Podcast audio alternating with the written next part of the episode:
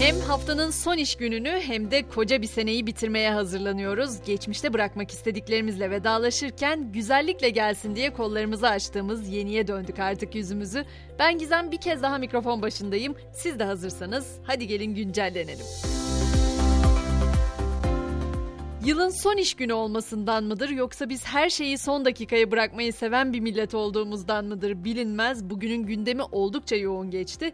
Hemen yılbaşı denetimleriyle başlayayım çünkü kapıda yılbaşı var. Sahte alkol üretimi, dağıtımı ve satışına yönelik denetimler 1 Ocak'ta sona erecek. Bu 3 gün boyunca 490.435 personel görev yapacak. Yeni yılda bizi bekleyen bir takım gelişmeler de var. Hemen onları da özetlemeye çalışayım. Mesela yeni kimlik kartına hala sahip değilseniz, değiştirmediyseniz, yenilemediyseniz bir an önce bu konuyu halledin diyorum. Çünkü 2023'te bankalarda yeni kimlik kartı olmadan işlem yapılamaması üzerine bir çalışma yapılıyor.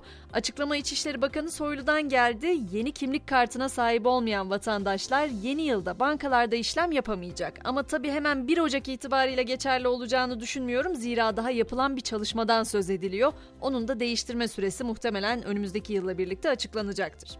Gelelim ceplere girecek ve cepten çıkacak paralara. 2023 asgari ücreti yeni açıklandı biliyorsunuz ama çalışanların eline geçmeden eridi diyebiliriz. Türk İş Aralık ayında açlık sınırının 8130 liraya, yoksulluk sınırının da 26483 liraya çıktığını açıkladı.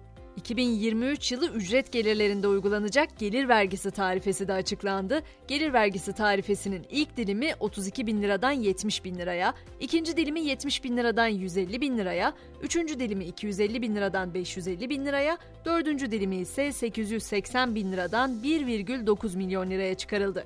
Ayrıca 120.096 liralık ücretlerden gelir ve damga vergisi alınmayacak, yıllık 16.916 lira gelir vergisi de tahsil edilmeyecek, yemek parası istisna tutarı 110, yol parası istisna tutarı da 56 liraya çıkarıldı.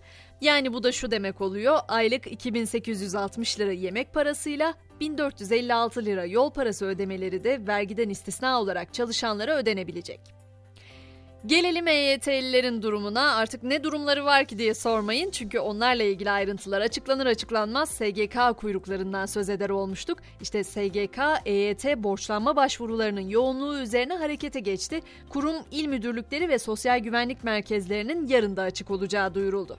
2022'de son şakasını yaparak gidecek. Akaryakıta zam geliyor. Bu gece yarısından itibaren geçerli olmak üzere benzinin litre fiyatı 84 kuruş artacak. Bu zamla birlikte benzinin litre fiyatı yeniden 19 liranın üzerine çıkacak. Sanayide kullanılan elektriğe ise %16 indirim haberini de vereyim. Bu indirim 2023'ün ilk 3 ayında geçerli olacak. Mesken abonelerine ise zam yapılmayacağını hatırlatayım.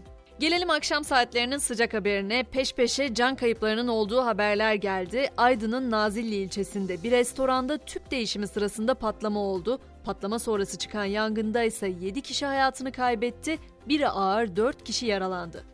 Diğer haber ise Ülke Ocakları'nın eski genel başkanı Sinan Ateş'in Ankara'da uğradığı silahlı saldırı. O saldırıda Sinan Ateş hayatını kaybetti. Polis ise kaçan motosikletli saldırganın yakalanması için çalışma başlattı. Eğitim başlığından da önemli bir haberim var. YÖK, üniversite öğrencilerinin tüm sınıflarda seçmeli pedagojik formasyon dersi alabileceğini açıkladı. Bu haktan mezun olanlar da faydalanabilecek. Ey azizim bizim zamanımızda testsiz yüksek lisans diye geçerdi bu uygulama. Pedagojik formasyonu alabilmek için yüksek lisansa girer gibi aşamalardan geçmeniz gerekirdi. Ne diyelim hayırlı olsun. Hemen bir de yargı koridorlarına uğrayalım. Arnavutluk'taki Temyiz Mahkemesi, kripto borsası TODEX'in kurucusu Faruk Fatih Özer'in Türkiye'ye iade kararını onayladı. 30 Ağustos'ta Arnavutluk'ta yakalanmıştı Özer ve yaklaşık 2,5 milyon doları alıp kaçmakla suçlanıyor. Yeni yıl mesajlarını bugünden almaya başladık. Özellikle toplu mesajlar şirketlerden telefonumuza yağmaya başladı adeta. İngiltere'de ise bir aksilik yaşandı. Özel bir hastanede çalışan doktor hastalarına yeni yıl mesajı göndermek isterken toplu olarak kansersiniz mesajı gönderdi. Bu hastalık mesajının ardından yaklaşık bir saat sonra yeni yıl mesajının atılması üzerine yanlışlık yapıldığı ortaya çıktı. Belçika'da da değişik bir haber var. Geri dönüşüme bir destek de kuaförlerden geldi ülkede. Yeni nesil paspasa ilgi şimdiden yoğun. Ne demek istiyorum? Belçika'da kuaförlerden seçilen saçları toplayan bir sivil toplum kuruluşu onları hidrokarbon ve yağ emen paspaslar haline getiriyor. saç paspaslarının petrol sızıntılarını temizlemek için kullanılabileceği, su kirliliğini önlemek üzere kanalizasyonlara yerleştirilebileceği belirtiliyor. Ve milyoner olmak isteyen çoğu erkeğin yaşam koçu diyebileceğimiz kişi tutuklandı. Son yılların tartışmalı sosyal medya ünlüsü ve eski kickboksçusu Andrew Tate ile kardeşi Tristan Tate Romanya'da gözaltına alındı. Tate kardeşler insan kaçakçılığı ve organize suç örgütü kurmanın yanı sıra tecavüz suçlamasıyla da karşı karşıya.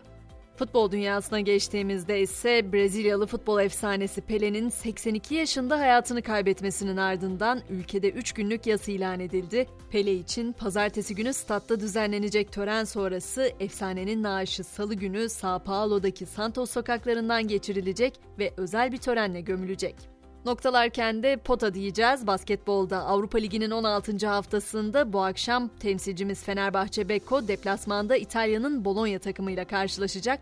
Bu maçın başlama saatinin de 22.30 olacağını hatırlatayım ve böylece haftanın son iş gününde Podi ile akşam güncellenmemizi noktalamış olalım. Dikkat ederseniz yılın son Podi ile güncellen saati demedim. Çünkü yarın özel bir bölümle birlikte olacağız. 2022'ye şöyle bir bakacağımız özel bölüm için yarın saat 13'te kulağınız yine burada olsun. Görüşünceye kadar şimdilik hoşçakalın.